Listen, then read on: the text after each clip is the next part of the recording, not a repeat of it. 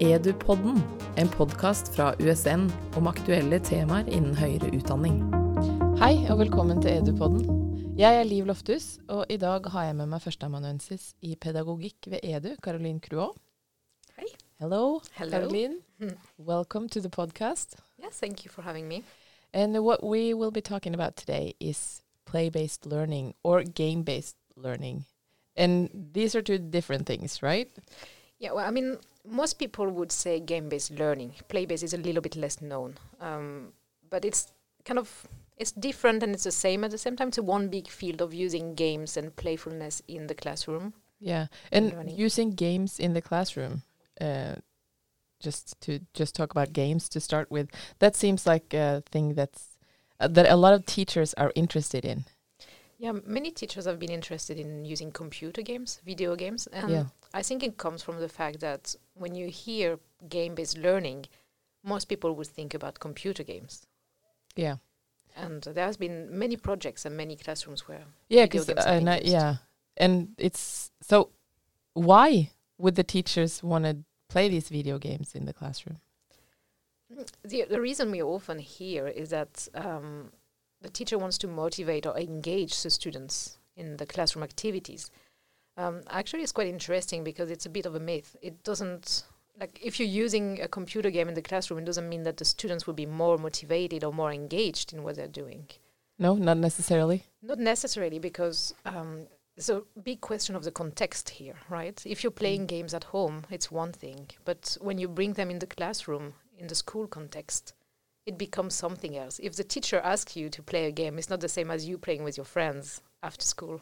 Yeah, then it's like a task, a school task. Yeah, it Mm. doesn't really. Even if you play the same game. Even if you play the same game, I mean, you can see it with Minecraft. Um, here, I have to say that it doesn't mean that it won't work, that it won't be a good learning activity, but it won't be the same experience. If you're playing Minecraft at home, your yeah, your goal is different than if you're playing Minecraft within an exercise that a teacher gave you. Yeah. Yeah. So you can't just, it's not going to be the same. You can't just move the games into a totally different setting and then expect that there is going to be a lot of learning and still the same, like fun and playful part as at Mhm. home. Yeah, it's a, it's a question of expectations. You can't expect it to be the same, but it doesn't mean that it's not good to use games in the classroom. No, because now, now you said that uh, the motivation part was like kind of a myth. Yeah, I mean, if you expect the same kind of engagement Mm. and motivation, if that's your main goal, but it doesn't mean that the students won't be motivated or engaged in the in your learning activity. It's just that you can't expect it. But why would you use computer games or games in the classroom then? Well, there are many different ways uh, you can use it and many different reasons. I think one of the main, um, and the Spillpedagogene in Norway, I've written a book about it and it's quite good. One of the main thing is that it's a cultural artifact. It's oh, like, a book or a like video? a book, like a film. film, it's yeah. part of our culture. It's a big industry, and there's a lot of uh, artists working with uh, video games. So why wouldn't we study them like we study books in literature class or films? Oh, so then then you mean not playing it, but studying it as an Yeah, well, you do have to play it, right? Because Yeah, you have to read a the- book if you want to Yeah. study it. So it's the same thing. yeah. So you can use games either as this kind of cultural artifact that you would study as you would study a book in literature, but you can also use it because they give you something different when you're playing it because the experience that you have while you're playing it can be interesting for your uh, learning for your lesson. But if uh, is there many? Do, do you know? Is there many schools and teachers that studies as an artifact? You you have some examples here in Norway. I mean, more if you go worldwide. But I would really recommend checking the Spillpedagogene. They have a website with like a, a resource bank, Yeah. resource, research Mhm. bank, uh, where you get lots of tips about which type of games you can use. And Yeah, because now I want to ask you which type of games would be like g- good enough, or or like to study as an artifact. well, that's kind of the same as books, right? You have many different types of books, and not all of them would fit within the classroom. Uh, so it's the same. You have to select the game according to what you want to study. So maybe you have to focus more on something that is more of a art, an art project than uh, a game that is just for killing zombies or Yeah, that's not necessarily. A there's no point. Like, yeah. But there, it's something very interesting that happens also if we don't talk about games as a cultural artifact, but using game to make a point or like to Yeah. the stuff that you're doing in the game is what is interesting. Because games give you something that other formats don't give you, like books or films. And what is that? Um, there's actually like um, a PhD thesis that has just been defended in Finland about that, about the fact that it gives you strong emotions that you cannot, or I don't want to say cannot, but that you usually don't experience in films or uh, movies or uh, books. Is that because you're not like interactive or as engaged in a film as in a game or Yeah, there's something about the interaction, but the strong emotions you're feeling is like uh, remorse and sense of responsibility that you usually don't feel in books and film. And that's linked to the interactivity. It's because you're controlling a character. So the decision you're making will influence this character's life, will influence the whole process of the game. But is that then it all in all types of uh, video games, or just where you have a like a character? I mean, there are different. Uh, if you play like uh, Candy Crush, you you wouldn't maybe say that you have a character. No, but here Or- we come back to the same idea of that you have to select the game that fits Yeah. what you're gonna do, right? Yeah, so we can't say anything about all video games. Absolutely not. No. There are so many different. I mean, you mentioned Candy Crush and Minecraft, and there are games that are just like narratives, like, it's Yeah. like storytelling in a game form. Some games are just to just crush some mushrooms. yeah, That's Mario, I guess. so you have many, many different types of games and many different goals or purpose to use them. yeah. So then, of course, you can't say this is how like all video games work. Just like you wouldn't say every kind of printed format is the same as the literature you would study in the classroom. Yeah, but is it um to get this sense of like engagement or uh, what games give you? Is that only when you talk about digital games or video games, or can it be other types of games too? Could be other types. I mean, game-based learning is not just video games. Usually, people think about video games, but it can be board games, it can be role-playing games. Um, it can be also what I'm studying in my research, which is more like play-based learning. In fact, Um, Yeah, because that's what we said at the uh, introduction here that we're going to talk about both play-based learning and game-based learning. So that's obviously two Mm. separate things. Yeah, I mean, it can it can sound like a gimmick to separate the two, but there's a huge difference when you think about game-based or play-based. Um, if you think about play-based, then you remove the focus on the artifact, on the object, and then you look more at the attitude, the activity, um, the whole activity. It's more holistic. I think we should talk about more about that somewhere else. Yeah, yeah, because we're planning on making another podcast too. Where we're going to go a little bit deeper into the theory Mm. concerning play-based and game-based learning, because there is a difference between play and game. Or is it? Listen to podcast episode number two. yeah, but uh, in the classroom, both play-based and and game-based learning is used or can be used. Yes, definitely. I mean, I think the easiest example to talk about when we talk about play-based learning is gamification because we've talked a lot about it um, in the last years, in the last decade. Mm.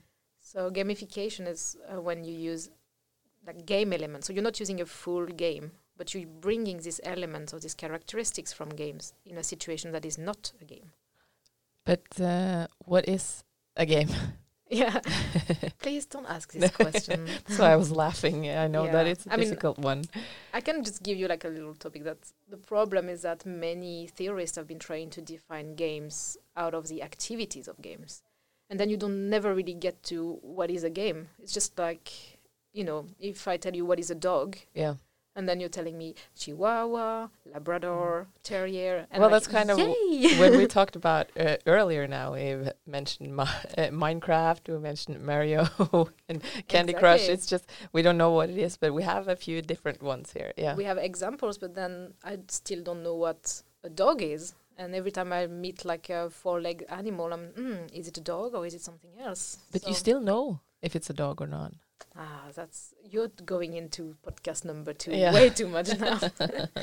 yeah, we have this like innate feeling of what is a game and what is not, Yeah. but it just doesn't mean it's a definition. But um, I don't know. Um, I'm not gonna try uh, with a definition. But to me, like game has rules. Is that right? Or is it not? Usually, yeah. I mean, it's usually a part of the definition that it has. It's an activity with rules, with a purpose. And play. Um, well, here you get into play shouldn't have rules. Like if you look at the theorist uh, Caillois, he has this spectrum between games and play, where games have rules and play don't. But uh, I kind of disagree because when you look at play, like children play, you see that they have rules. They have things that they do and that they can't do. But then you could think that these activities are games. So, So, yeah. how can how can you then then do play and games in the classroom when it's so dif- difficult to to know what it is? How do you uh, make room and space for this Yeah, type well, of activities? If we go back to the concrete world of the classroom now, after scaring the listeners, thank you very much. Um, I mean, it's not that difficult in a way. It's, uh, if you look at play-based learning or gamification, then it's about adding the opportunities, a space for interpretation to make it playful. So when you're introducing a topic in the classroom, if you had a layer of narrative, if you're making it into a story where they have to take decisions, the students, um, Mm. to make the story evolve, then it's already like you're giving them more space. You're releasing a bit of the control and giving them more space to be playful. And in the same way, I mean, if you're using balloons, we've been talking about balloons Mhm. a lot, and well, then you kind of signaling that okay, this activity has some space to be playful. So you can add a spaceful um space to the activities you've been already have been doing. Is that That's a that's a principle of gamification that you're doing still the same activity, but you're framing it in a way that makes it potentially playful. and so yeah, this could be balloons or a space. But what Or other narrative? Yeah, narrative. for example, or just okay.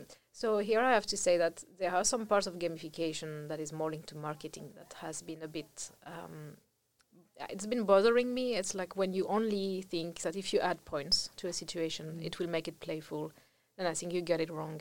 Gamification is about looking at the context and what is already working and not working, and then seeing what can I do to make it work better by making it more playful. So it can be yeah points, badges, leaderboards, but it can also be a narrative. It can be the fact that you're playing with teams instead of being an individual student. Um, it I think um, one thing that already that works well is to have a visualization of your progress. So if you're thinking digital gamification, it can be progress bars, but um, any way of showing that okay, you're a student and you've done that much, and there is that much to be done kind of like learning path. That really helps to motivate them to see where you are. Uh, but you're talking about gamification and play-based learning. That's the same. Well, the thing is, uh, gamification is a new term, Mm-hmm. but what you're doing is kind of the same as play-based learning. I kind of in my research I moved from gamifications towards play play-based learning because I feel it gave you more space and more like potential, whereas gamification feels very like uh, processed and you have to do things in one specific order, and whereas play-based learning it's more free, it's more playful. Mm-hmm. It's like a playful version of gamification. okay, I see. That sounds nice. But now you're if you you can add elements to what you've had before to make it more playful. But does that mean let's bring in the balloons again? If you add balloons and space, is it then going to be playful? No. I love just uh, stopping there. Uh, of course not, because you cannot force someone to be playful. You cannot force someone to play. So what you're doing is that you're giving them the space and to interpret it as playful. But a student will never be playful just because you say be playful now. So so then uh, yeah, again, you you laid uh, you facilitate playing, but like as a teacher, what can you do to get get it to be a playful environment, learning environment? Well, you can work on these things that I've talked about. You can work on the structure, you can work on the objects you're using, uh, and the context to make them realize that it's something playful. And I mean, it's you could wonder like, oh, but then why should I bother if they're not going to be playful in the end? Um, and I would answer, well, when they are, it's really a win situation. Um, I've seen it in my research. Like the students have been, I've what I've said was entering the playful frame. They became playful in the in the classroom, and then they were motivated. They were doing more tasks. They were. Um, it was within the context of French, the foreign language, Mhm. and they were really, like you know, daring to try because that's something very important with games too. It's like you're less afraid of failing. It's a part of the process. Yeah, because then- playing is not as serious, uh, maybe as. Uh, Oh, or, or of course, playing can be yes, very yes. serious. Mm. Sorry about that. no, but at least you know that you have to fail. Like no one expects you to just, you know, win a level from the first. It would Mm. be very boring if you were just, you know, winning all the levels from the start. So it's uh, giving the students this space to fail and space uh, space to try and to, yeah, be playful. So even if it's uh, if it might be difficult to get to the playfulness, uh, even if you try to facilitate it, it's worth the uh, work of trying to get there. Because yeah, it gives so much to the students. I would say so. And anyway, even even though you don't go all the way to the playfulness, then you have an activity that is really well built and Yes. very interactive. So at least you have some student active learning in there. So Yeah. it's always good. yeah, even if you don't get to the playful part. Exactly. But um, n- now that like playfulness is different from game-based learning because that is based on games. Um, do you mean game-based learning? Yes. Yeah. Mm. Well, playfulness it's the attitude that you would feel when you're playing, and uh, games they are just one manifestation of play. Mm. So it's just one form of activity of play. So you can be playful when you play games, but you can be playful in other situations. So the teacher that bring the video games uh, where we started into the classroom, they might uh, reach playfulness too in their by using video games. Yes, and you can see it in, in research. I mean, kids can play also with Minecraft, even Yeah. though it's different than what they're doing at home. So you can you can have playfulness with video games, definitely. This is really interesting, uh, Caroline. Thank you for uh, taking the time to talk about this uh, playfulness and the games. And we will be talking more in depth about these uh, uh, terms that are a little bit difficult to to grasp. But, but uh, thank you so much. Yeah, thank you. Edupodden